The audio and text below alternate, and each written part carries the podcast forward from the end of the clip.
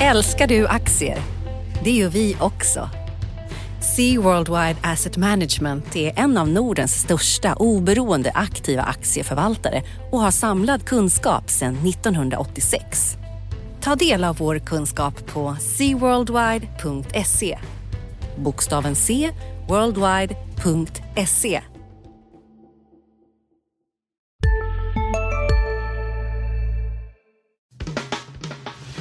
Analyspodden från Dagens Industri.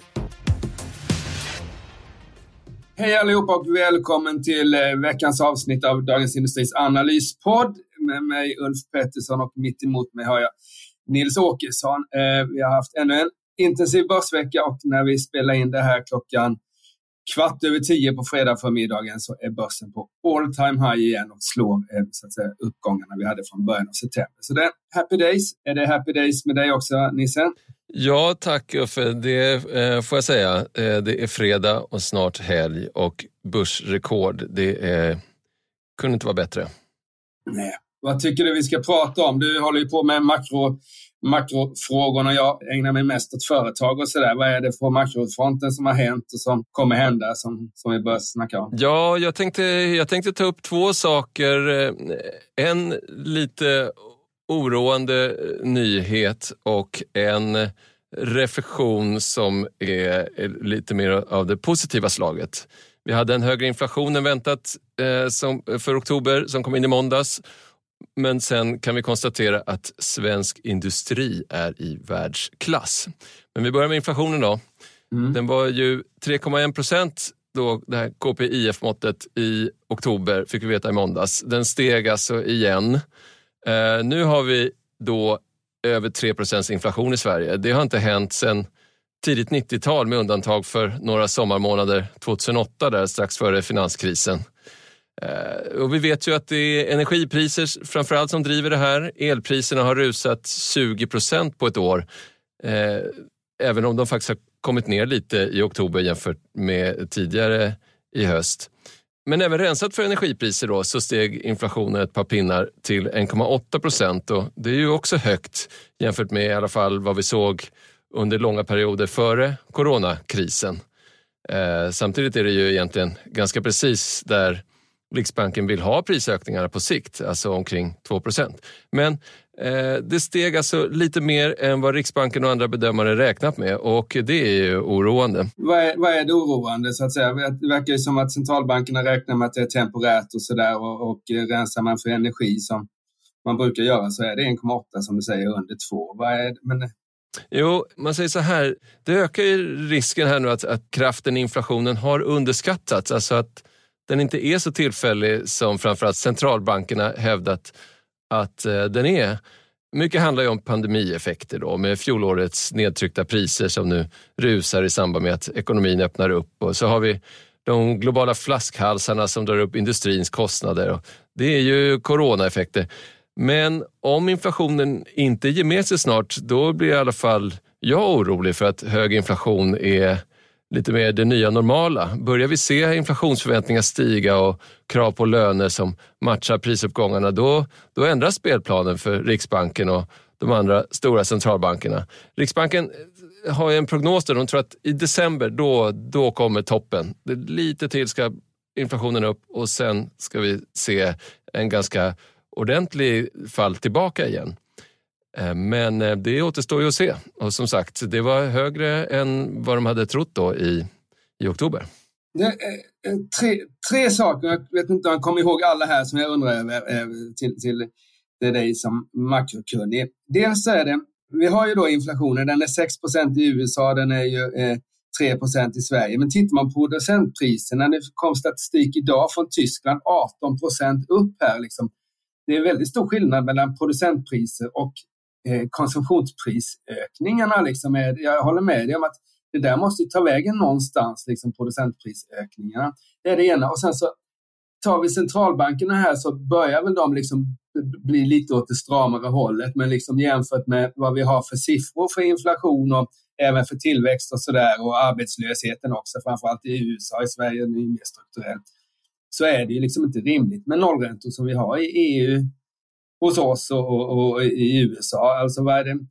var inte det stora problemet. Det stora problemet eh, tycker jag inte var att vi sänkte räntan i, i, under pandemin här, utan det stora problemet är att vi gick in i pandemin så att säga när vi ändå hade en god tillväxt 18-19 med väldigt låga räntor, framförallt i Europa. I USA hade de ändå lyckats höja dem lite grann. Ja, det här med producentpriserna då, det är just det här det står och väger. I vilken mån ska det här vältras över till eh, konsumentpriser då? Alltså att mm, industrin kämpar med, med högre kostnader. Eh, och det där är olika för olika branscher och sektorer förstås, men det börjar man ju se tecken på nu att, att eh, även varupriser då börjar stiga.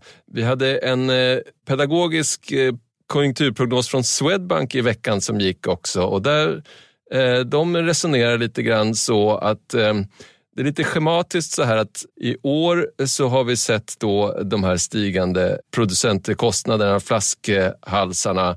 Vi har sett energipriser som har stigit då och det har ju drabbat plånboken.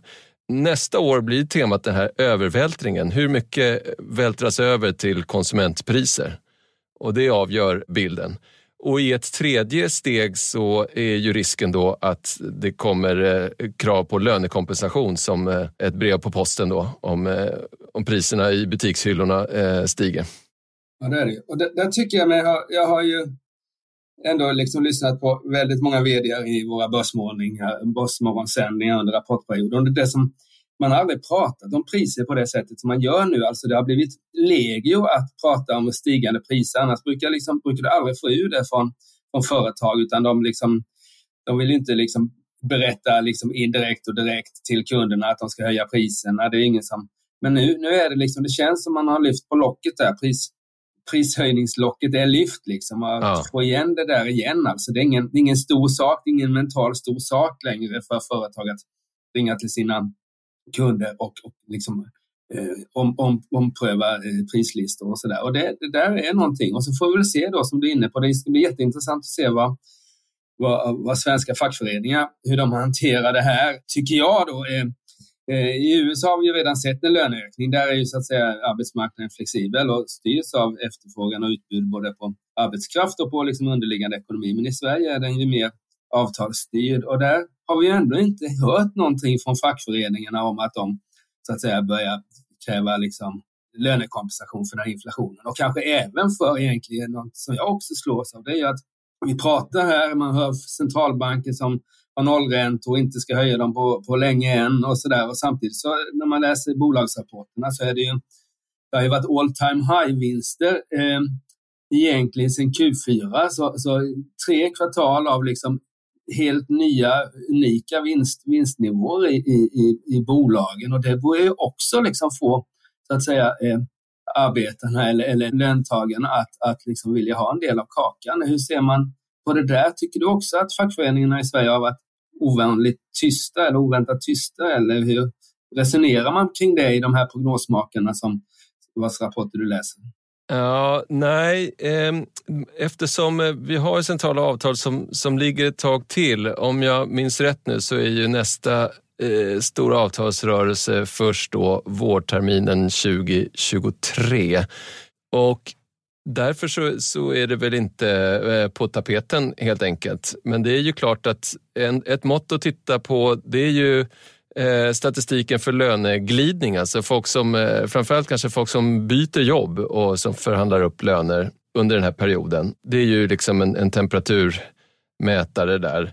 Sen så får vi väl se då, det är ju, köper man eh, centralbankernas bild och den, den liksom, det finns ändå en slags satt bild av att det här, det här kommer att blåsa över och, och, bara om ett halvår så kommer det låta annorlunda när vi pratar om, om inflationen. Men eh, det blir eh, spännande eh, att följa de närmaste månaderna. Det sa vi i somras också, men det är ju, där har ingenting förändrats. Att säga. Eh, man kan säga att inflationen fortsätter ju att överraska på uppsidan. Ja, det gör den ju det. För tittar man, det är klart att, att, att, att inflationen skulle ta fart i våras och somras, det var ju ganska givet eftersom vi jämför med ett år tillbaks och vi hade ju mm. prisfall där i, i, i, under coronan och första månaden i coronan. Men som sagt var nu jämför man ju då med, med liksom november 2020 och det var liksom en period då, liksom, då vinst, eller ska jag säga, prisökning åtminstone ute i industrin, åtminstone när man pratade med, med företagsledare, hade ju redan börjat då så att säga. Så nu, vi möter ju så att säga inte lika, lika liksom enkla jämförelsetal längre och ändå så stiger inflationen. Så det, mm. det är mm. ganska intressant. Mm. Bra. Du hade någon annan spaning också förutom eh, 3,1 procents inflationen i, i Sverige? Ja, det länkar ju i lite det här med eh, flaskhalsar och höga insatsvarukostnader som eh, har överskuggat det mesta för industrin. Då.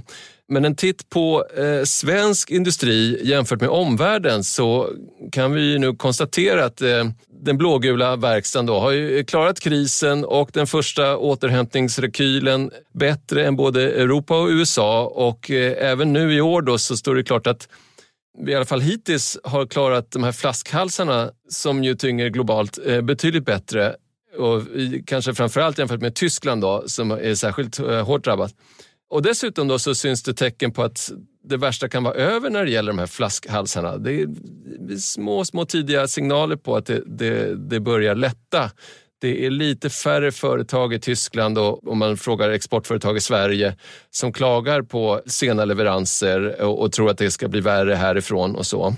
Men i år då, om man tittar den globala industriproduktionen, så den har ju till och med backat då på grund av alla de här problemen. Det är komponentbrist och logistikkedjor och, och containerkaos som vi har pratat ofta om här i podden också. Eh, men i Sverige så har industriproduktionen faktiskt växt även om den bromsar in även här.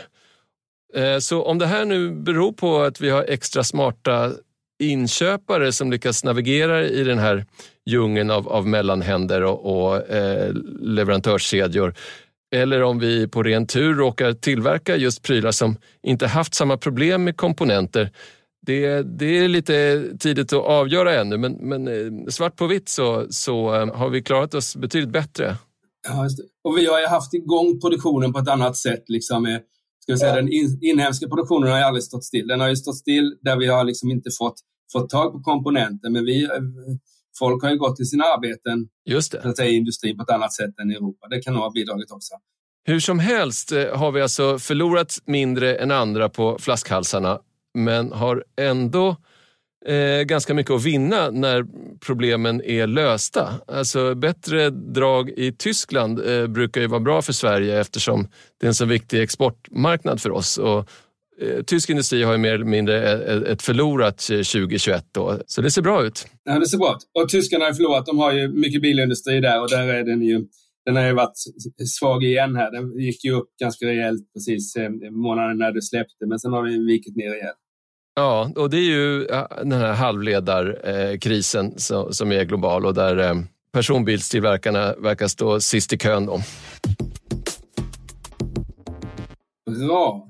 Ja, det var det om makrofronten. Eh, ska vi titta lite på bolagsfronten så har den varit fortsatt aktiv. Rapportperioden är inte över. Det jag brukar säga ibland att den är över. Då så är det alltid någon som mejlar som håller på med småbolagsaktier och sånt där. Nej, den är inte alls över. Men storbolagen är ju över i och med Nibes rapport får man väl ändå säga i veckan som för övrigt var precis i linje med förväntningarna. Ska man liksom sammanfatta det där lite grann så har rapporterna varit på aggregerad nivå som förväntat eh, faktiskt, eh, åtminstone för de stora bolagen. Det är lika många som har kommit in bättre än väntat som, som sämre än väntat. Och det är en liten försvagning jämfört med de senaste tre kvartalen då vi har haft eh, en stor övervikt för sådana som, eh, bolag som har slagit förväntningarna rejält. Det är väl det då. Men eh, ska vi prata om bolagsnivå här i veckan så har det hänt en del spännande grejer. Jag tycker man kan notera Volvo Cars-rallyt här. Eh, kom in på 40, 53 spänn. Med en värld i gungning blir det viktigare än någonsin med kunskap och diskussion. Att värna det fria ordet, för livet och demokratin. Så när du trodde att du visste allt, har vi alltid lite till. Privata affärer plus allt. All journalistik du behöver, samlad. Prova en månad gratis. Sista dagarna nu på vårens stora season sale. Passa på att göra sommarfint hemma, både inne och ute. Och fynda till fantastiska priser. Måndagen den 6 maj avslutar vi med Kvällsöppet i 21. Välkommen till Mio.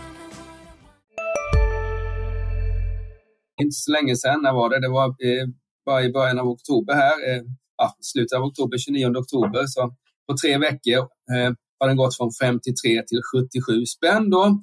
Det är ju en, eh, nästan en, en fördubbling, inte långt ifrån. Eh, så det är otroligt.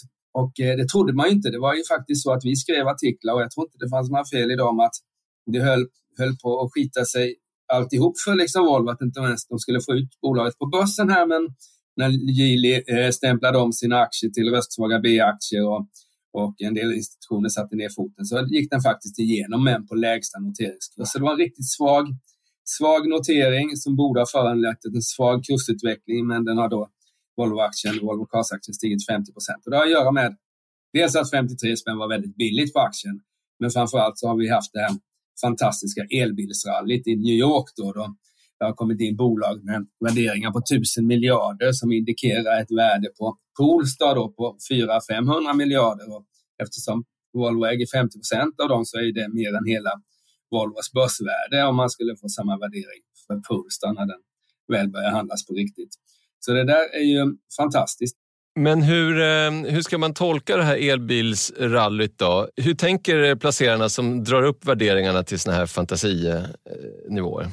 Det är ju en liten sån marknad eh, som är väldigt risk, riskvillig marknad. Eh, alla vet att vi om fem tio år bara kommer att ha elbilar och att den där marknaden förändras. Men det är nog väldigt mycket spekulation och väldigt lite, ska vi säga, att man räknar, räknar på siffrorna som där Rivian kom in då med ett värde på 35 miljoner kronor per förväntad såld bil 2023 och det är liksom en helt, helt otrolig värdering. Men det blir väl så där i en bransch som ritas om så vet man inte, vet man inte vilken, vilken av tillverkarna som blir den stora vinnaren. Det är ju så att i sådana här konsumentprodukter så, så händer i ett teknikskifte så händer det väldigt mycket med marknadsandelarna. Tittar vi på mobiltelefonsektorn så var ju Apple, ja, de fanns ju inte egentligen 2006 och sen så kom iPhonen och nu är de då, eh, har de varit ledare sedan dess egentligen. Det kan ju hända så med elbilarna också. Det är inte, det är inte säkert att Tesla kommer vara den största elbilstillverkaren om tio år. Det kan ju komma någon annan med mycket bättre batteri eller mycket bättre, någonting som gör att det blir mycket bättre. Och just i den här fantastiska teknikutvecklingen som sker inom elbilar så kan det hända saker och då vill väl placerarna vara med, på, mm. vara med inom alla områden. Men det kan ju vända ner snabbt också. Man får ju liksom, sådana här aktier ska man äga väldigt, väldigt lite av eftersom det kan ju halveras nästa vecka. Om det har gått. Just det. Och det, du pratar nu om de här nynoterade elbilsutmanarna snarare än Volvo. Mm. Nej, precis. Men det driver ju upp värdet på Volvo också eftersom de fortfarande sitter på 50 procent av Polestar. Så, så är ju de med i högsta grad i elbilsrallyt. Så det är det som gör att, att eh, aktiekursen mm. fluktuerar så väldigt. Det är derivat på de andra noterade eh, elbilsföretagen kan man säga mer än att vi tittar på alla de 800 000 bränslebilar som, som Volvo producerar. Just det. Ja, och eh, vad har du mer spanat in på börsen eh, veckan som gick här? Ja, men det är ju intressant tycker jag. Vi har varit på det där. Det kanske kan bli fler artiklar om vi får ut mer information, men något som är väldigt intressant är ju eh, budet på Sobi här från eh, eh amerikanska Advent, riskkapitalbolag, GIC som är eh, Singapores här eh, sovereign fond la ett bud på Sobi för ett par månader sedan och de har fått in 85 procent av aktierna, vilket normalt sett brukar liksom innebära att det är klart och att det bara är liksom lite, vad ska vi säga, folk som inte är så vakna, som inte har lämnat in sina aktier än. Men här finns ju då AstraZeneca som sitter på 8,5 procent av aktierna i Sobi som inte har tackat ja till budet. Och det har fått förlängas tre gånger det här budet. Nu har det förlängts, i veckan här förlängdes det ytterligare fram till 26 september, alltså eh, november, alltså nästa fredag. Och det som har hänt är, det som har gjort att AstraZeneca inte vill sälja sina aktier, eller åtminstone inte har lämnat in dem än, det är att vi har då fått information här om att AstraZeneca, efter ett par affärer de har gjort, är betydligt mer intresserad av eh, Sobis läkemedelsportfölj än de var eh, när de så att säga, gjorde affärer med Sobi som gjorde att AstraZeneca blev aktieägare. Och då vad vi förstår så vill AstraZeneca ha ut ett par läkemedel från Sobis portfölj för att acceptera budet. Och det är möjligt att budgivarna, Advent och JEC, skulle kunna acceptera det där, men då bryter man ju mot de här budreglerna vi har i Sverige, att, att alla, alla aktieägare ska behandlas lika vid ett bud. Och skulle då AstraZeneca få, få liksom läkemedel istället för pengar eller på något sätt så är det inte liksom jäm, jämbördigt och då, då blir det krångligt här. Och det, sak som eh, bolagen vad jag förstår håller på att förhandla om och det där kan sluta hur som helst. Det kan sluta att AstraZeneca viker sig och tar pengarna för de har så mycket andra läkemedel. Det kan sluta med att AstraZeneca lägger ett, lägger ett bud och det kan sluta med att man hittar någon lösning som ändå liksom är legalt fungerande. Mm. Så det är en väldigt spännande utveckling som vi nog har anledning att återkomma till i nästa veckas podd. Det låter eh, som ett virvar av lite ljusskygga förhandlingar. Eh. Ja, så är det. Och där sitter ju, det är lite intrikat också. Då är ändå liksom Sobis största ägare Investor som är liksom väldigt mån om att allt ska gå by the book. Och Investor är dessutom ägare stor ägare dessutom i AstraZeneca. Men de, de, är väl kanske inte så att de bestämmer det där, liksom, utan eh, ja, det är lite att, att hamna på bägge stolar. Så där. Så, eh, Investor har ju tackat ja, så de, de, var ju liksom, de har ju till och med förbundit sig att inte, att inte sälja till någon annan om inte budet blir rejält mycket högre än det som ligger. Så de har verkligen satt sig fast vid liksom, stolpen här och svårt att liksom träda av av någon anledning. Så det, ja, det, det, kan nog, det kan nog bli fler artiklar i det ämnet i tidningen i nästa vecka. Kan man tycka att Investor skulle ha stämt av med, med sitt portföljbolag Astra innan de rusade och tackade ja till budet? Ja, så är, alltså jag antar alltså att Astra satt ju ändå på 8,5 procent av aktierna.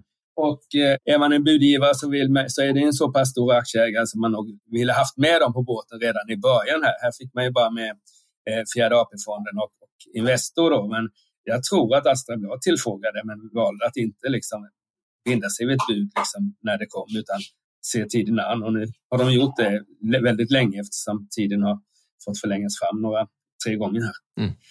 Det är väl spännande eh, tycker jag och Volvo förstås. Och sen tycker jag ändå att, att de här eh, kursrörelserna vi har haft i, i spel, spelindustrin, både ska vi säga, bettingindustrin med Evolutions kraftiga nedgång och Embracer, då, ska vi säga, nöjesspelsbolaget eller vad man ska kalla det, vanliga Dataspel. Gaming, dataspelsbolaget kan vi säga, som också föll på sin rapport. Och det är ju två riktiga, riktiga eh, ska vi säga, småspararfavoriter som tog stryk här. Och vad man kan säga om det är väl att att det är många, faktiskt osedvanligt många eh, småsparare som bara ägt de här aktierna egentligen och då blir det inte roligt utan alla aktier, även starka bolag, som, som eh, Bracer och Evolution kan, kan falla kraftigt. Eh, och så sprid era risker. Är det här för att eh, vi nu efter pandemin så är marknaderna inte riktigt lika gynnsamma för betting och gaming nu när vi inte sitter hemma lika mycket längre? Ja, eh, det är så för, vad ska vi säga, för dataspelsbolagen är det ju så. De hade ju fantastiska Q2 och Q3 förra året och vi satt hemma och spelade som du sa Nisse. Nu är vi faktiskt ute lite mer. Vi är på jobbet också och där kan man inte spela dataspel hur som helst. Så, och eh, många bolag har faktiskt redovisat negativ organisk tillväxt, det vill säga att försäljningen befintlig verksamhet har minskat. Så det är en klar coronaeffekt. Tar vi däremot Evolutions eh, kursnedgång den här veckan så har inte det någonting med corona och dess effekt att göra, utan det var ju en konkurrent som hade gjort en undersökning eh, kring Evolution och kommit fram till att de har kunder som eh, var till och med Assad medlemmar i familjen Assad i, i, i Syrien som tydligen har spelat och Iran och, och Sudan och lite sådär. Det är liksom länder som amerikanerna inte vill, eh, vill befatta sig med. Så vi får se vad som händer. Aktien var ju ner en 8-9 procent på det där. Eh, sen har den repat sig en del. Det är som sagt var en konkurrent som försöker svartmåla bolaget, men det är klart att har de skickat grejer till, till, till myndigheter så blir det även en myndighetsfråga någon gång. Så det där är det där får vi väl se vad som händer här. Eh, Evolution Gaming-aktien är fortfarande upp väldigt mycket i år, 75 procent eller så, men, men lite, lite press senaste veckan. Spännande tider som sagt var och det lär väl bli spännande även nästa vecka får man förmoda. Vad kommer du ägna dina dagar åt, eh, Nils?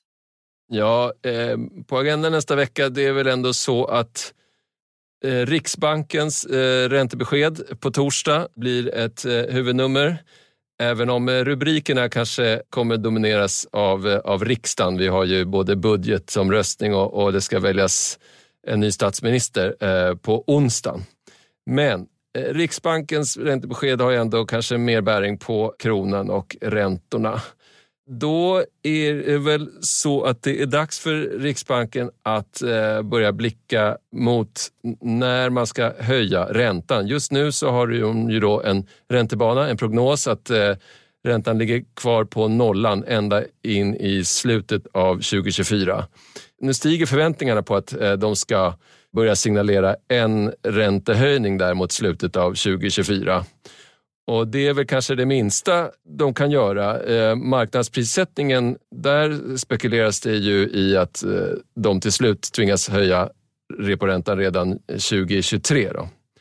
Men så det är, det är det man får spana efter mest då när det gäller Riksbanken, att de tar försiktiga steg eh, mot att börja normalisera penningpolitiken. Sen är tisdag, då, eh, några dagar tidigare, så har vi preliminära inköpschefsindex för industrin i november. Det är både euroländerna, Tyskland, Storbritannien, USA eh, kommer. Så det är en tidig signal också om hur eh, det här sista kvartalet börjar rulla på. Precis. Eh, du, eh, regeringen här och Magdalena Andersson som eventuell statsminister och sådär, är det ja. något som har marknadsimplikationer, eller kan få marknadsimplikationer på något sätt? Eller är det en icke-händelse hos penningmäklare och, och andra finans, finansanalytiker? Eftersom vi de senaste åren haft ganska många regeringskriser och budgetdramatik eh, så visar ju facit att eh, marknaden inte bryr sig särskilt mycket om det här. Och vi har ju en ordentlig försäkring i Sverige med våra eh, starka offentliga finanser som gör att eh, ja, vi har egentligen, eh, man kan säga att vi har en försäkring. Vi har eh, så pass goda marginaler att vi, vi kan kosta på oss lite cirkus kring, kring det här. Bra, bra. Och från min horisont så är, är själva agendan, den förutbestämda agendan, inte jättestor. Vi har lite rapporter från en del nya bolag som kommit in senaste månaden. Byggfakta bland annat som ska bli intressant att se. Nettel också ett sånt där som rapporterar, men annars så är det väl liksom eh, händelser som inte är, är förskrivna som kommer prägla våra, mina, mina dagar skulle jag tro. Och det brukar vara så. Det är ju som sagt var en väldigt hektisk tid här. Det är mycket företagsaffärer, man ser mycket riktade emissioner, alltså den otroligt hög aktivitet ute bland företagen. Och det är det som handlar om att följa upp i, i tidningen och i nästa veckas podd. Men det tycker jag så att vi stannar här eh, och när ni har lyssnat på vår podd så får ni gärna lyssna på våra eh, kollegors podd. Och Nils, du har full koll på vad de heter och vad de håller på med. Vi har ju DIs dagliga eh, eh, podd som heter Morgonkoll. Eh, vi har kollegorna på DI Digital som gör Digitalpodden och sen förstås eh, vår privatekonomiska podd Smarta pengar och eh, en av våra närmaste kollegor, då, Viktor Munkhammar, eh, har ju också Makrorådet som man inte får missa. Precis, så ni har att göra hela denna helgen också så får vi hoppas att ni har en skön och trevlig helg där ute och att ni lyssnar på oss nästa vecka. Tack ska ni ha att ni har lyssnat på Dagens Industris analyspodd. Eh, vi hörs. Tack, hej! Hej då! Analyspodden från Dagens Industri. Programmet redigerades av Umami Produktion. Ansvarig utgivare Peter Fellman.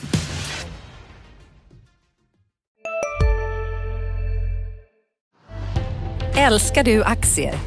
Det gör vi också. Sea Worldwide Asset Management är en av Nordens största oberoende aktiva aktieförvaltare och har samlad kunskap sedan 1986. Ta del av vår kunskap på seaworldwide.se. Bokstaven C, worldwide.se